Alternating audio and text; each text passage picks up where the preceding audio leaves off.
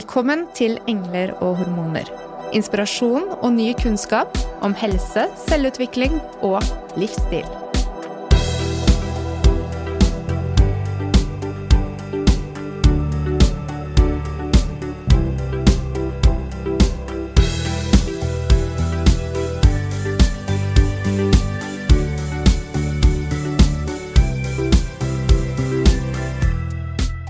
En episode til glede for store og små. Vi skal snakke om ernæring i svangerskapet med Pia Gårom Sætre, som er master i klinisk ernæring og er glad i å formidle matglede. For er det noe som er viktig for oss når vi spiser for to, så er det vi mener i denne sammenheng at du skal se mulighetene for å støtte deg og barnets utvikling. Ved å ta kloke valg for ernæring som føles og gjør godt. Dagens episode handler ikke om å frykte å gjøre noe feil, men å få kunnskap til å glede seg over og kunne gjøre noe som føles skikkelig bra. Hjertelig velkommen tilbake i studio, Pia. Takk. Tusen hjertelig takk. Hvordan har du hatt det siden sist? Nei, jeg har hatt det veldig fint. Det har vært en bra sommer. Så bra! Det er godt å høre. Dette her er jo en episode som eh, ja, jeg vil tro at det er mange som kommer til å lytte til. Og det er jo, selv om det står eh, mye der ute på internett, så er det greit å liksom ja, kanskje ha én episode som man kan lytte til, hvor man får eh, med seg det viktigste. Mm, en slags oppsummering på ja. informasjonen som er der ute. Det er jo veldig mye myter og veldig mye hva skal jeg si, retningslinjer som vi kan forholde oss til når det gjelder eh, kosthold i svangerskap. Men så blir det også så nære, da. Vi spiser jo hele tiden, og det er jo noe som er en del av både helse og glede, og det syns jeg er så viktig nå i dag, det er at vi ikke skal være redd for å gjøre for mye galt. Eh, for det er jo litt spesielt med mange tider i svangerskapet der det faktisk ikke nødvendigvis er så lett å spise sånn som du hadde sett for deg. Uten tvil. Så jeg tror at eh, det er viktig å ha det i bakhodet når vi går gjennom det som er anbefalt under, en, eh, under et svangerskap nå i dag, er at poenget er ikke at vi skal skape ekstra stress og bekymringer. Fordi at uh, Man må rett og slett prøve å gjøre det beste man kan med det utgangspunktet man har. Uh, og Spesielt hvis det er spesielle utfordringer som oppstår, for det er det veldig gjerne. Mm. Så det er absolutt ikke det som er poenget, men heller å gi den informasjonen sånn at man kan prøve så godt man kan. I hvert fall. Så er det sånn, Når vi går inn i den tilstanden som er svangerskapet, og det begynner å skje store endringer i kroppen, eh, så kan man jo lett tenke at vi har også unike behov i den perioden. Er det sånn, at vi har eh, ja, noen spesielle behov når det gjelder ernæringsinntak i svangerskapet? Absolutt. Det er, det er, en del vitaminer og mineraler som vi får et økt behov for som man eh, burde prøve å tilrettelegge for, eh, for å passe på at vi får den utviklingen og veksten vi ønsker hos fosteret vårt. Um, I tillegg så må man være litt mer påpasselig med et par andre ting, også fordi at uh, barnet i magen er ekstra sårbart. Um, men helt overordnet så er det faktisk ganske mye av det samme som går igjen hos, hos gravide kvinner og den øvrige befolkningen. Mm. Hvis, la oss si at man planlegger å bli gravid. Ja da er det jo veldig mange som har hørt om eh, folat eller folsyre og viktigheten av å ta det, men det er ikke alle som starter med det fra man planlegger. Det er jo ikke alltid at man planlegger å bli gravid heller, for den saks skyld, men ja, kan vi bli litt bedre kjent med folat? Ja, folat det er B-vitamin, B9. Um, folat og folsyre brukes litt om hverandre, så det er viktig å ikke bli forvirret hvis man plutselig hører at du må ta folsyre, for det er gjerne da folat man snakker om. Uh, og som vi nevnte, så er det anbefalt å ta det fra det sekundet man begynner å tenke på å bli gravid. Uh, I hvert fall idet man slutter på prevensjon, så bør man, bør man, begynne med folat. Og det handler om at Folat er viktig i den første fasen av graviditeten, altså første trimester. Og um, utvikling av ryggmarg er det vi gjerne har fokus på, på når vi snakker om folat. Ved at uh, tilskudd av folat tidlig i svangerskapet kan bidra til å forebygge nevralrørsdefekter, uh, som det er misdannelser av ryggmargen.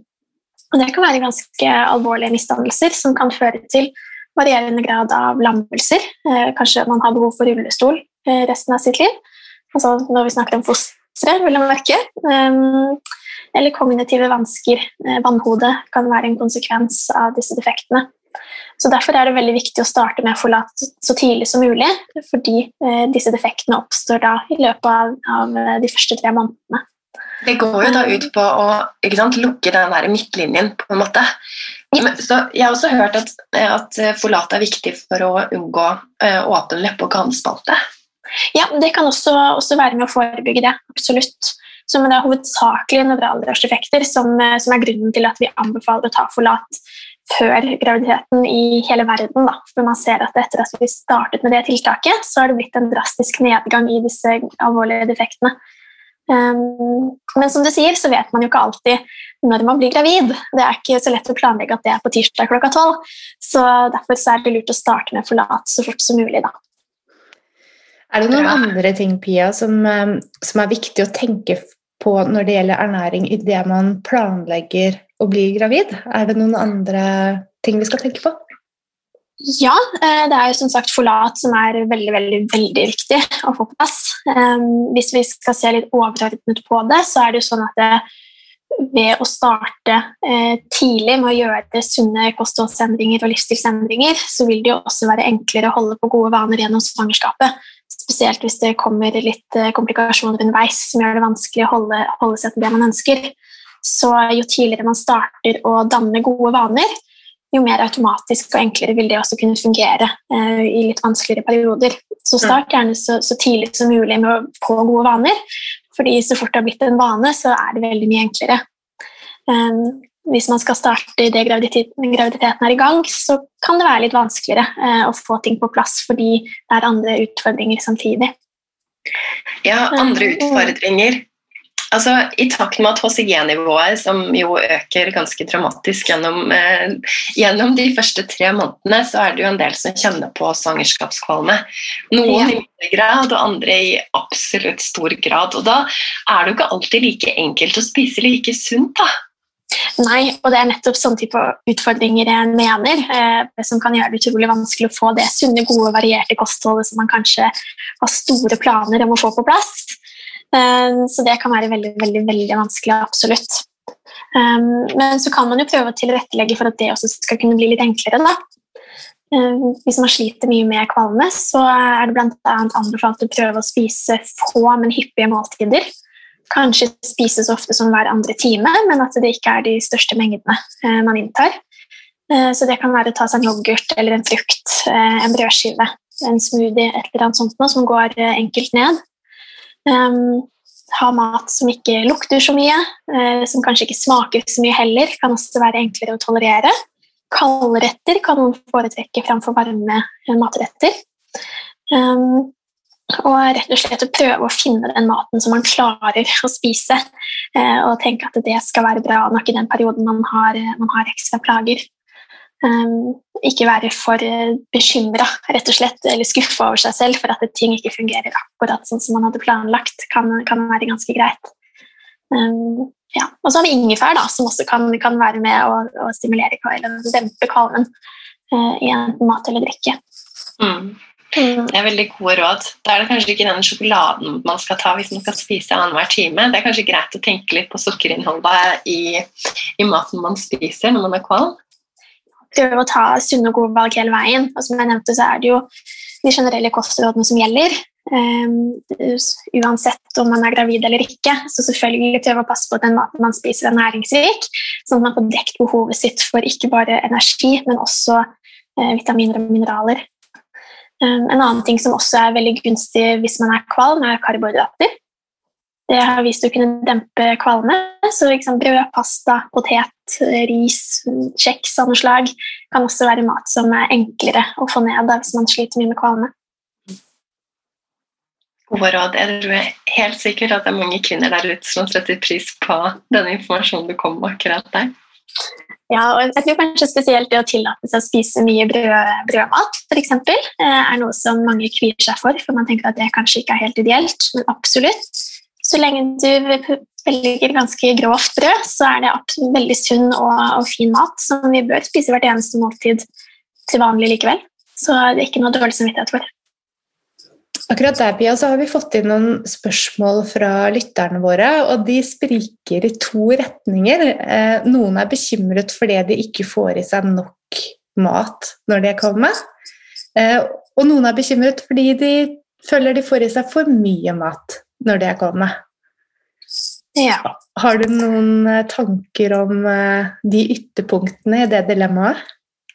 Ja, jeg tenker at generelt sett, når man er eller sliter veldig mye med kvalme, så er det en litt sånn unntakstilstand. Um, og unødvendige bekymringer det skal man prøve å legge vekk så stor grad som mulig. Uh, og rett og slett prøve å gjøre det beste man kan. Igjen så vil jo egentlig aldri et kosthold kunne klare å være helt perfekt, og det er vel kanskje mer perfekt med det uperfekte. Um, så, så, slapp litt mer av og tenk at du vet hva, nå skal jeg prøve å gjøre det beste jeg kan nå prøve så godt det lar seg gjøre å velge de sunne matvarene som er en del av et variert kosthold. Som jeg nevnte, velge fullkornsprodukter hvis man kan det. Eh, ha magre meieriprodukter. Prøve å kanskje få i seg noe frukt eller grønt i løpet av dagen. Og ha litt sånn enkle regler å forholde seg til i en, i en litt vanskelig periode.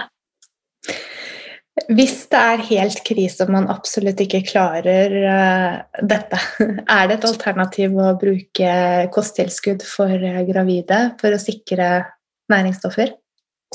Ja, det er jo en del kosttilskudd man bør ta uansett. Vi var inne på folat de første månedene. Uh, vitamin D bør man ta gjennom hele svangerskapet. Jod kan det være behov for, og jern i visse perioder. Men man kan også ta et multivitamintilskudd som selvfølgelig vil dekke veldig mange av disse eh, vitaminene og mineralene. Men, eh, men, det er også noe man ofte kan ta gjennom hele graviditeten, uavhengig av, av kvalmeproblematikk. Um, er det sånn at man sliter skikkelig med å få i seg nok mat og kaster opp veldig veldig mye, så bør man oppsøke en lege, for det er ikke meningen at, uh, at man ikke skal få i seg noe næring i det hele tatt. Mm. Nei, vi hører jo og har opplevd at enkelte blir innlagt på sykehus for å få støtte i denne perioden. Så det viktige poenget du har der, Pia, at man skal ta kontakt med legen sin om det er problematisk å få i seg mat. Mm, absolutt. Så Kvalme er normalt, og å kaste opp opptil to-tre ganger om dagen kan man også anse som normalt. Men er det sånn at det går på bekostning av næringsinntak, og at man rett og slett får i seg altfor lite i løpet av en dag, så er det absolutt bekymringsverdig. å ta kontakt, det er bare positivt hvis man gjør det. Mm. Men la oss se bort ifra liksom kvalme og første trimester. da. Hva er egentlig måte, det økte energibehovet under graviditet ellers? Ja, det, det, sa jeg innledningsvis dette at man spiser for to. Ehm, det er faktisk ikke så veldig mye mer mat man trenger. Mm. Og dette er overraskende for mange. Ehm, ser man på første trimester, så trenger man ca. 100 kalorier mer om dagen utover det eh, vanlige behovet sitt, som tilsvarer kanskje en frukt ekstra om dagen. Går man videre til andre trimester, så øker behovet ytterligere til ca. 300 kalorier ekstra per dag. Som kan være I tillegg til den frukten så kan man ta seg en brødskive ved siden av. Og så i siste og tredje trimester så er det to mellommåltider ekstra man trenger. Så det kan være da brødskive som et mellommåltid, og så hamburgergrøt som et annet mellommåltid. Så det er ikke altså, ca. 500 kalorier da, i siste trimester. Så det er ikke veldig store mengder eh, ekstra man trenger. Og eh, i utgangspunktet spiser man eh, sunn mat i passelige porsjoner, så vil man ofte kunne dekke behovet sitt. Ikke sant? Men er det noen type matvarer som vi på en måte bør tenke mer på å få i oss? Altså sånn, sånn som meieriprodukter, f.eks., for, eksempel, for å prøve å dekke opp om behovet for jod? Ja, um, det er vanskelig å velge bare enkelte matvarer eller matvaregrupper. fordi Det mm. må jo i utgangspunktet være en kombinasjon av mat fra alle matvaregrupper som vi spiser i løpet av dagen. Rett og slett fordi ulike matvaregrupper vil bidra med ulike næringsstoffer. Og Det er jo nettopp derfor vi har de anbefalingene vi har, eh, at vi må spise variert. Fordi Hvis vi ikke gjør det, så vil man kunne ende opp med mangler. Eh, men f.eks. meieriprodukter er en viktig kilde til kalsium og jod, eh, som du nevnte. Eh, kalsium er bl.a. viktig for utvikling av skjelett og tenner. Og jod er viktig for hjerne- og nervesystem og utviklingen av det. For jod er det litt sært, for der må man gjerne ta tilskudd uansett. Rett og slett fordi at mangel er så utrolig utbredt blant fertile kvinner. Så, så, der vil man gjerne være avhengig av å ta et tilskudd med mindre man spiser veldig mye meieriprodukter. Eventuelt mye hvit fisk eh, i løpet av en dag eller en uke. Um, Men vi har jo også ja, fisk som jeg var inne på, som er en god kilde til vitamin D og omega-3, som man også burde ha flere ganger i løpet av uken, gjerne som pålegg i tillegg. Um, karbohydrater har vi nevnt, det bør man ha i hvert eneste måltid, gjerne de grove variantene, som også er en god kilde til jern, som kan bidra til å dempe kvalme. Vi har frukt og grønt, som også vil bidra med mye forskjellige vitaminer og mineraler og antioksidanter. Så det er rett og slett en kombinasjon av alle matvarer som er, eh, som er viktig for å, for å, dekke behovet. Men dette her med jod, Pia, det er ikke nødvendigvis noe som kommer så tydelig frem, er i hvert fall mitt inntrykk. Det, det står litt sånn her og der, men, men eh, ja, hva tror du er årsaken til det? Nei, jeg tror det handler mye om at eh, jod er eh, et mineral som det kanskje ikke har vært så mye fokus på tidligere. På, sånn som i lik linje med kanskje folat og vitamin D og jern. Men for noen år siden, det er ganske nylig, så kom det en stor rapport som kartla jodnivået til eh, unge kvinner i fertil alder her i Norge, som viste at en mangel var veldig utbredt. De færreste får faktisk i seg nok jod i løpet av, av en dag eller en uke. Så og det er viktig som jeg nevnte tidligere, for bl.a. hjerneutvikling og utvikling av, av nervesystemet. Um, og Problemet med jod er at vi finner det i ekstremt lite mat. Så det er ikke rart at det er vanskelig å dekke behovet sitt. Vi har meieriprodukter, og vi har hvit saltvannsfisk som torsk og sei og hyse. Men bortsett fra det så finner vi egentlig ikke jod noen andre steder i kostholdet vårt. Så for å dekke behovet så er vi avhengig av å ha ganske mye meieriprodukter i løpet av en dag, eller spise hvit fisk ganske hyppig. Og så skal man jo helst ikke spise så mye torsk heller. ja, altså man, man, skal absolutt kunne spise hvit, hvit fisk. Altså, altså det skal være helt i orden å ha fisk to til tre ganger i uken. Um, men, um, men nei, da, så det er vanskelig å dekke behovet sitt. Så det, de aller fleste bør ta et tilskudd på 150 mikrogram jod om dagen. Gjerne fra så tidlig som mulig i graviditeten, og det er også noe man kan starte med før man blir gravid.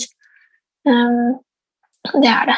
Så, så, en annen årsak til at det kanskje kan være vanskelig å, å fange opp jod, er at man får ikke utslag på en blodprøve. Det vil man gjerne med, med, en del av disse andre vitaminene og mineralene som man tar tilskudd av. Så det er vanskelig å få svart på hvitt at du har jodmangel uten å gjøre en slags anamnese av kostholdet. Mm. Melk.no har jo en egen jodkalkulator. De har det, og den kan være veldig fin å ta som utgangspunkt. Så de gjør en, da en, egentlig en veldig rask anamnese og undersøker om, eh, om man får i seg nok meieriprodukter eller hvit fisk. Og de, de, færreste vil jo gjøre det, men den gir da en anbefaling til slutt om man burde ta tilskudd eller ikke. Um, så Hvis ikke så kan man også oppsøke ernæringspersonell som kan utføre, utføre en anamnese, de òg. Dette gjelder kanskje ikke bare gravide? Er det, det viktig for alle? Ja, fertile kvinner eller kvinner i fertil alder har eh, ifølge denne rapporten stor mangel av, av jod på generell basis. Så, så, veldig mange vil kunne ha, ha behov for å ta et jodtilskudd. Mm. Det er interessant. Det, er jo, um, eh, det blir jo gjort blodprøver, og man blir fulgt opp i svangerskapet men da er det ofte jern som kommer frem som altså en mangel. Eh, kan vi snakke litt om det? Fordi én ting er at vi ofte mangler det, en annen ting er at mange føler det utfordrende å gå på tilskudd av jern pga. Ja. fordøyelsen og hvordan det påvirker. Mm. Ja, så ja, Jern er noe som vi gjerne også har mangel på. da. Jernmangelanemi er også utbredt utenom graviditet. Rett og slett fordi vi taper ganske mye blod via menstruasjon. Og jern inngår da de røde blodcellene våre og er viktig for bl.a. oksygentransport rundt i kroppen til cellene våre. Um, under et svangerskap så har man ekstra stort behov for jern. Rett og slett fordi at uh, vi øker uh, blodvolumet vårt. Vi får opp mot 20% flere av disse røde blodcellene, som da krever mye mer jern. Vi trenger jern til fosterutvikling, uh, til morkake, og vi taper gjerne en del jern under fødsel. Så faktisk så kan vi doble behovet for jern under et svangerskap. Mm um, og når man fra før sliter med å få i seg nok jern, uh, så blir det en ekstra utfordring når man da har et såpass stort behov. Så tilskudd er ganske vanlig å måtte ta her også. Uh, men ved første svangerskapskontroll så skal man ta en blodprøve for å undersøke jernlagrene sine. Og ut ifra dette så vil man da få anbefalt eh, hvor mye jern man burde ta gjennom svangerskapet sitt. Mm. Så hvis man skal passe på jernnivået først gjennom kost, da, har du noen konkrete eksempler på hvilke matvarer vi skal prioritere? Ja, eh, vi finner jo jern ganske mange steder, men veldig gode kilder til jern er typisk animalske kjøttprodukter eh, og lever og innmat. De er veldig rike på jern, men så er kanskje ikke det det som er forbundet med den helsekosten. Og man skal jo prøve i utgangspunktet kanskje begrense inntak av den type mat. Men vi finner jo jern også i grove kornprodukter, som jeg nevnte tidligere. Vi finner det i belgvekster som bønner og linser. Og vi kan også finne det i grønne grønnsaker som brokkoli og spinat. Eh, så det er et stort spekter av matvarer som inneholder jern. Ehm, det som kan gjøre at man eh, kan ha et litt dårligere opptak, kan være kaffe og te, som inneholder noe som heter fenoler. og De kan binde seg til jernet og hindre opptak i tarmen. Eh, så kaffe og te burde man drikke utenom måltidene sine for å ha et optimalt opptak. Og så I tillegg så har vi vitamin C, som på motsatt måte kan øke opptaket av jern. Så det å ha kanskje noe paprika på brødskiven sin gjør at du kan få nyttiggjøre deg mye mer av det jernet som fins i kornproduktet. Mm. Det er så viktig mm. å vite, fordi um, det blir som en buffer. Da. Det, liksom, det hjelper jernet inn i kroppen. Absolutt. Som igjen forsterker den eh, anbefalingen om at man burde ha noe frukt eller grønt i hvert eneste måltid. For da vil det sikre deg et optimalt jernopptak. Mm. Jeg har også lært at det finnes forskjellige typer jern. Det som kalles for hemjern og ikke-hemjern. Og det er vel også litt forskjellig opptak? Ja. Så hemjern er det vi absorberer best. Så det er fra 15 til 35% absorpsjon, som egentlig ikke er sånn veldig høyt, det heller.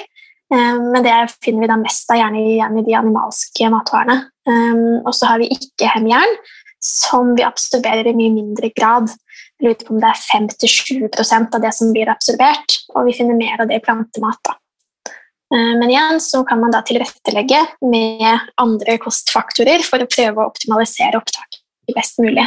Men en del kan jo kanskje ha nytte av å ta et, sånt, et tilskudd av jern. Det er gjerne det disse multivitaminene for gravide. Så har de 15 mg jern vanligvis, som dekker da dagsbehovet. Men blodprøvene man tar i starten av svangerskapet, eh, kan indikere at du trenger høyere nivåer av det, og det er ikke helt unormalt. Man trenger kanskje 40-60 mg om dagen da, fra uke 18 og ut svangerskapet. Det er ikke helt mm. normalt. Eh, for de som da har et plantebasert kosthold, så vil det si at mengde jern som man da finner i næringsinnholdet på matvaren, vil ha en lavere grad av opptak i kroppen. Sånn at ja, det, det, er ikke, det, er ikke, nok å bare lese næringsinnholdet, for det er et nivå videre som bestemmer hvor mye du nyttiggjør deg av eh, jernet i kroppen. I utgangspunktet, ja. Så, men sånn vil det være for alle matvarer. Um, det skal også sies at det, eh, kroppen vår er jo veldig fin. Da, sånn at Hvis man har lave hjernenivåer fra før, så vil kroppen være flinkere til å nyttiggjøre jernet enn hvis vi har gode lagre og under et svangerskap også, hvor vi har et økt behov for jern, så vil vi også bli flinkere til å absorbere jern enn hvis vi ikke er gravide. Så det er ganske mange faktorer som påvirker, og sånn sett ganske umulig å skulle beregne helt eksakt hvor mye jern man klarer å få ut av maten man spiser. Mm. Mm. For de som da tar tilskudd og opplever at det påvirker fordøyelsen negativt, at man blir eh, treg i magen, forstoppet, Eh, har du noen gode råd der, Pia? Er det ulike varianter av tilskudd eh, som du erfarer er bedre enn andre, eller annet vi kan gjøre? Ja, altså Ved forstoppelse så har vi jo et par grunnleggende elementer som er viktig å, å prøve å få på plass. Eh, det er først og fremst å drikke nok væske. Det er viktig for å forme avføringen og passe på at det ikke blir for tørt og hardt å, å få ut. Ehm, så i hvert fall åtte glass med vann om dagen, eh, og kanskje mer også hvis man er mye kvalm, kanskje oppkast i starten av svangerskapet, eller om, eh, om man trener mye, f.eks. Ehm, så er det fiber, som er veldig viktig. Og igjen, velge grove kornprodukter. Spise mye frukt og grønt. Få i seg frø og nøtter. Det er også veldig viktig for å, for å forebygge forstoppelse. Um, fysisk aktivitet kan også stimulere og gjøre at man lettere kommer seg på toalettet. Og så kan også sittestilling på toalettet eh, påvirke eh, hvor forstoppet vi er. Da. Eh, så det å ta en krakk under bena, sånn at man kommer litt høyere med knærne, kan gjøre at man enklere kommer på toalettet. Hmm. Hvis ingenting av disse tingene fungerer godt nok, så kan man også ta tilskudd. Og da er det gjerne fibertilskudd som man benytter seg av. At det blir en ekstra fiberberikning utover det dagligdagse kostholdet. Um, linfrø har en veldig god effekt på forstoppelse. En billig variant av de kosttilskuddene som finnes på apoteket. Og da vil man gjerne ha én til to spiseskjeer om dagen sammen med et stort glass vann. Det kan ha en veldig fin og positiv effekt på avføringen vår. Mm. Eh, når det gjelder linfrø, kommer det bare et spørsmål fra sidelinjen. Fordi jeg har hørt at eh, linfrø det bør knuses. Nødvendigvis. Ikke nødvendigvis når det gjelder dette? Nei. Nei.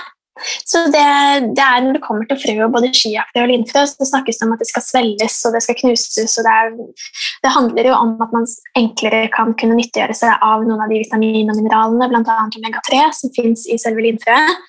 Men når vi snakker om forstoppelse, så er det fiber i seg selv som vi vil ha nytte av. Bea, det er eh, så interessant å hele tiden lære mer om hvordan vi kan tilrettelegge for at de gode tingene vi først tar inn, blir nyttiggjort så godt som mulig i kroppen. Og er det noen flere slike ting som vi kan tenke på? Synergieffekter av å sette sammen kosthold og hva vi skal passe på for å få hjelp til å ta opp på best mulig måte? Ja, absolutt. Eh, vi har helt overordnet så har vi altså, fettløselige vitaminer. Eh, F.eks. vitamin A, vitamin D og vitamin K. Så, er det, så trenger vi fett da, for å kunne observere disse på en god måte. Det ligger litt i navnet at de er fettløselige. Eh, F.eks. med vitamin D. Så hvis man tar tilskudd av det, så er det gjerne sammen med omega-3 i en trankapsel. Eller så kan det være sammen med rapsolje i rene vitamin D-tilskudd for å passe på at vi absorberer vitamin D på en god måte. Um, og for vitamin D så er det også viktig for at vi skal kunne absorbere kalsium på, på, en god måte, for nyttiggjort oss av det. Um, så de påvirker hverandre i veldig stor grad. Mm. Det med mm, kalsium er, hvis jeg har forstått det riktig, et annet mineral som ikke nødvendigvis vises på blodprøver om du har lite av? Mm, helt riktig. Og det er fordi vi har et veldig stort lager av det i kroppen via skjelettet vårt. Så hvis vi har lite, eh, lite kalsium via kosten, og vi trenger å regulere blodverdiene, så stjeler vi fra skjelettet. Um, så det kan være en liksom lureprøve ved at vi har gode kalsiumnivåer. Men mm. det betyr ikke at vi, at vi har en god status likevel. Det er litt interessant, fordi mange aktive kvinner som jeg har fulgt opp de siste årene, så syns jeg det er økende andel som faktisk opplever komplikasjoner, eh, og at de tenderer mot eh, osteopeni etter svangerskap, eh, og at bentettheten deres har gått kraftig ned, og de opplever tretthetsbrudd og slike ting, nettopp pga. kanskje dette. da. Mm. Mm. Og det tror jeg også er en trend ved at vi bruker mye mindre meieriprodukter enn hva vi har gjort tidligere. Mm. Uh, hvis det er anbefalt å ha tre porsjoner med meieriprodukter hver eneste dag. Um, og det tror jeg at de færreste får til, rett og slett. Og da vil man ikke klare å dekke behovet sitt for kalsium, um, og da vil det gå utover skjelettet vårt. Kan jeg spørre, Hva er tilsvarende én porsjon da, med meieriprodukter? Hvis man spiser ost på brødskiva, f.eks., er det én porsjon? Det er et veldig godt spørsmål. Eh, vi definerer det på litt ulike måter. så Hvis det er melk det er snakk om, så er det ca. et glass med melk, eller to dl. Hvis det er ost, så er det ca. 20 gram med ost. Altså tilsvarende en brødskive. Eh, og hvis det er snakk om yoghurt, så er det sånn 125-150 gram mm. med yoghurt. Mm. Det er litt interessant at du sier det, Pia. fordi det her blir kanskje litt anekdotisk og litt mer synsing enn eh, fagspørsmål, men i forhold til min, mine to første graviditeter så opplevde jeg en enorm craving etter yoghurt. Og det har jeg tenkt på, altså, Har det noe med at jeg faktisk mangler kalsium eller jod? Da, og at kroppen på en måte sier ifra hva den trenger? Hva, hva, tenker du om det, Pia? Nei, Det kan absolutt være. Som du sier, så, så kan det jo Det er jo litt synsing, men, eh, men man ser jo noen ganger at man får cravings på en del spesifikke matvarer som er rike på helt spesielle vitaminer og mineraler også, som f.eks. yoghurt, som er en god kilde til kalsium.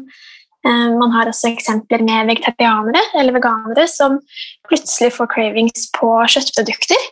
som kan være et tegn på at de trenger å få i seg mer jern. Da. Eh, så det kan absolutt være noe i det. Mm, det er litt spennende. Men uh, vi er jo veldig glad i å gå inn i det som vi vet sånn helt sikkert fra forskningen, uh, Pia. Så, mm. så, så, vi skal holde oss sånn litt på matta her. Jeg vet at du um, vet at du sitter på informasjon om noen ting som det kan være fint for oss å faktisk bevisst unngå i svangerskapet. For det finnes jo noen ting som kan være fint å la ligge til etter at svangerskapet er over. Mm. Kan det komme noen eksempler på hva det kan være? Ja, absolutt. Eh, vi har alkohol, som er en veldig kjent synder, som vi absolutt må, må holde oss strengt unna gjennom hele svangerskapet. Der har vi ingen nedre trygg grense for inntak. Um, og hvis man inntar alkohol gjennom svangerskapet, så ser man at det kan ha negative konsekvenser for hjerneutvikling og det kognitive, hvor barna gjerne kan ende opp med atferds, atferdsproblemer og lærevansker. Um, så, og hvis man drikker mye alkohol, så kan det føre med seg noe som heter futalt alkoholsyndrom, uh, hvor man da får en slags hjerneskade um, som er uh, alvorlig. Så alkohol det må man holde seg helt unna. Uh, vi var litt inne på det med koffein i stad i forbindelse med hjerneopptak. Um, så, eller kaffe og te, i hvert fall. Men uh, kaffe og te inneholder gjerne også koffein, så det må man prøve å begrense. Ehm, man sier gjerne én til to kopper kaffe om dagen eller tre til fire kopper med te skal være den limiten man ligger på for å begrense koffeininntaket. Og det handler om at eh, et stort koffeininntak det kan gjerne føre til lav fødselsvekt, som igjen kan føre til en del komplikasjoner og økt risiko for sykdom hos barnet. Um, Nå er det jo ikke bare i, i, kaffe eller te at det finnes eh, koffein, da, Pia? Nei, det er helt riktig. Vi finner det andre steder òg. Og jeg tror spesielt når det kommer til de mørke brusene som Cola eller Pepsi Max, så er det viktig å være oppmerksom på at de også inneholder en god del koffein. Så det er også noe man må begrense. Um, og selvfølgelig energidrikker som har mye koffein i seg.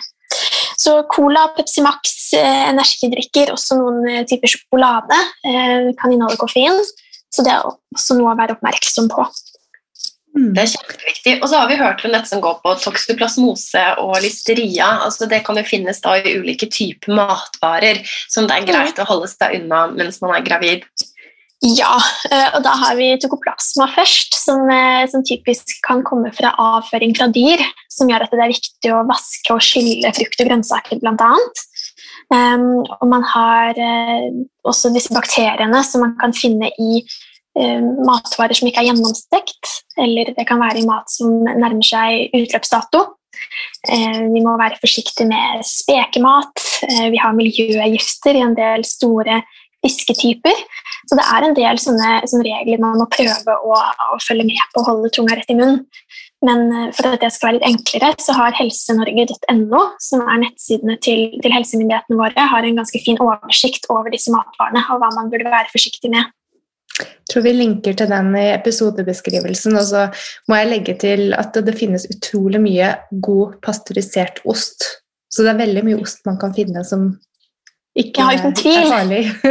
uten tvil. Og så tenker ja. jeg også at det, eh, det er jo det er veldig sjeldent at det at du ikke har vasket eplet ditt, gjør at du skader fosteret. Mm. Um, så det er litt sånn føre-var-prinsipp for en del av disse tingene. Uh, og du trenger ikke bli veldig bekymra hvis det er ting du har vært halvveis dårlig på. For det er ganske sjeldent at det er det som gir de store skadene. Og det er hovedsakelig f.eks. alkohol da, som, er, som er et stort problem. Mm. Og Der er man jo litt mer liberal i andre land, eh, og det kan jo være forvirrende når man ser eh, litt bredere enn bare norske anbefalinger, så det er greit å være så konkret som du er på det, tenker jeg, Pia. Så, så vet man hva risikoen er, og hvorfor anbefalingene ligger der. Og igjen så, så handler det jo om barnet vårt, da, som vi vil gi de beste vilkårene til. og jeg tenker at det er ikke verdt å ta den risikoen som kan føre med seg både komplikasjoner under graviditet, men også helsevansker, helseproblemer for resten av livet til barnet. Um, ja, jeg tenker at man prøver så godt man kan i hvert fall å unngå det. Mm. Så til restriksjoner til tross, da, så er det fortsatt mulig å ha masse matglede gjennom graviditeten. I hvert fall noe kvalmen har gitt seg, og man kan eh, ja, kose seg med maten sin. Absolutt. Og det er jo, som sagt, så kan vi, kan vi spise veldig normalt, og sånn som vi gjør til vanlig. og Det er de normale kostholdsanbefalingene som gjelder i veldig stor grad. Og igjen så er det jo sånn at man kan fortsatt kose seg med, med, is eller pizza eller godteri gjennom en graviditet, selv om det er noe man i utgangspunktet burde prøve å begrense. Eh, så kosthold kan være fritt og ha masse matglede gjennom et svangerskap. Det er uten tvil, det burde det kanskje også være når det er en del andre utfordringer underveis. Mm. Når du nevner dette med sukker, da, Pia, så er jo mm, Nå er det jo mer screening for svangerskapsdiabetes. og i og da blir det flere som får avdekket at de bør være mer forsiktige i forhold til blodsukkeret sitt. Mm. Um, har du noen gode råd til de som havner i den situasjonen, i forhold til å oppsøke mer informasjon? Hva, hvordan bør man tenke når man har fått den beskjeden at man er i faresonen for å utvikle svangerskapsdiabetes? Ja, det er jo igjen det å ha mosjon hver dag og ha et sunt kosthold som er det grunnleggende for å forebygge svangerskapsdiabetes, og også hvis man får det påvist. Um, og igjen så vil jo kostrådene være et veldig godt utgangspunkt ved at man spiser disse langsomme karbohydratene som er veldig fiberrike, mye frukt og grønnsaker, uh, prøve å unngå tilsatt sukker og disse raske karbohydratene i stor grad. Ehm, hvis man trenger mer hjelp, så kan man oppsøke en ernæringsfysiolog for å ta en gjennomgang av kostholdet sitt og se om det er noen enkle tiltak som man kan få iverksatt for at det skal bli litt enklere. Ehm, det er jo mye informasjon der ute, så det er lett å få panikk når man får en sånn beskjed.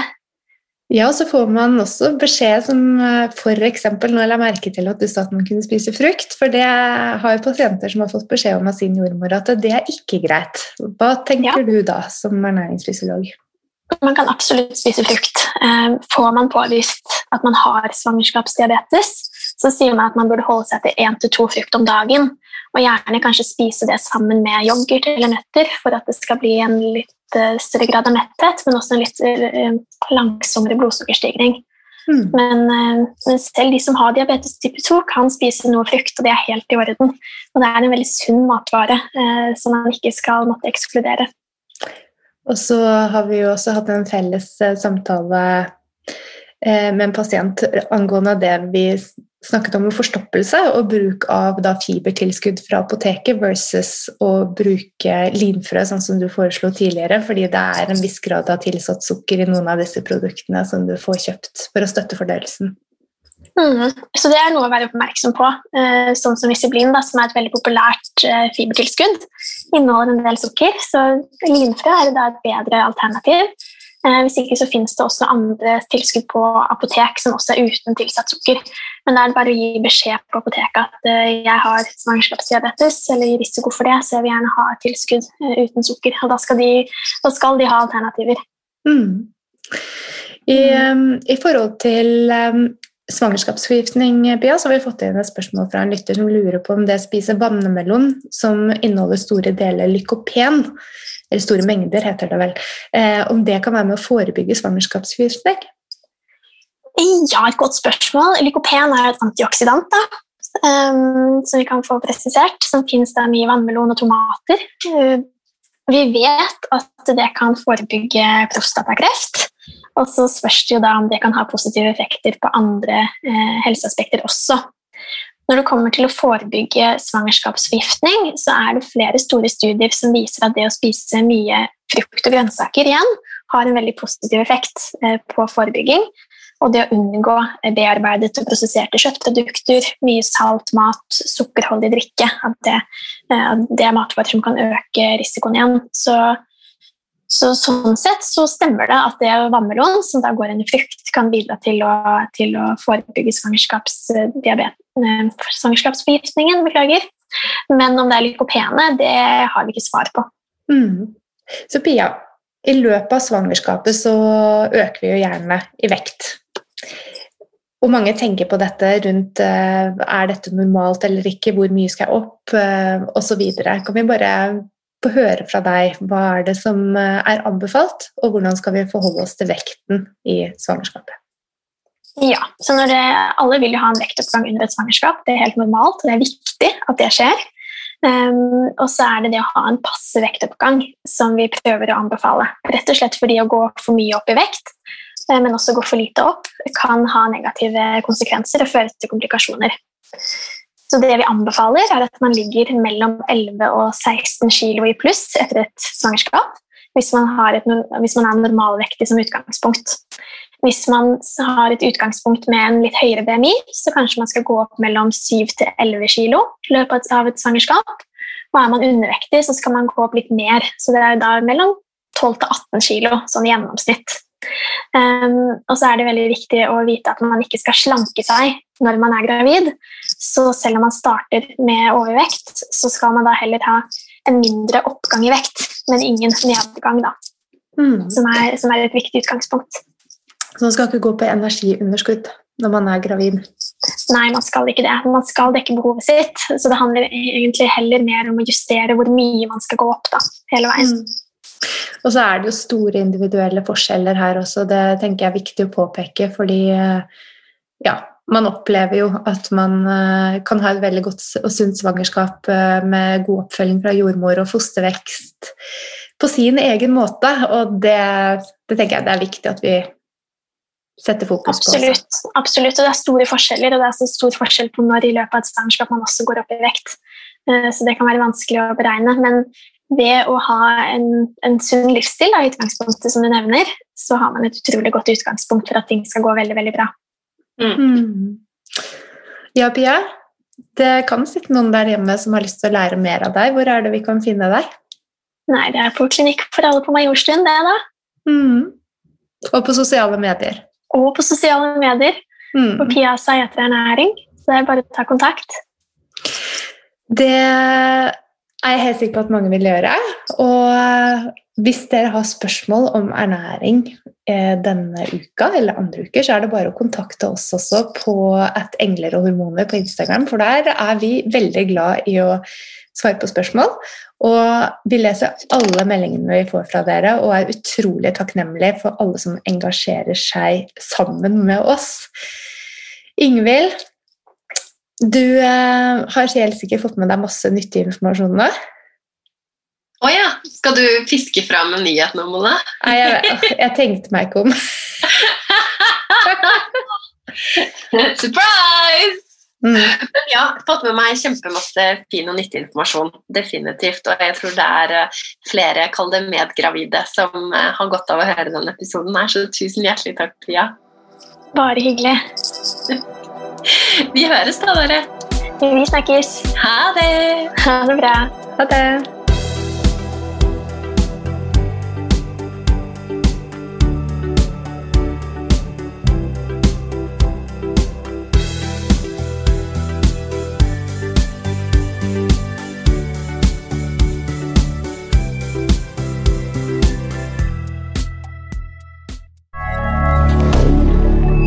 别的。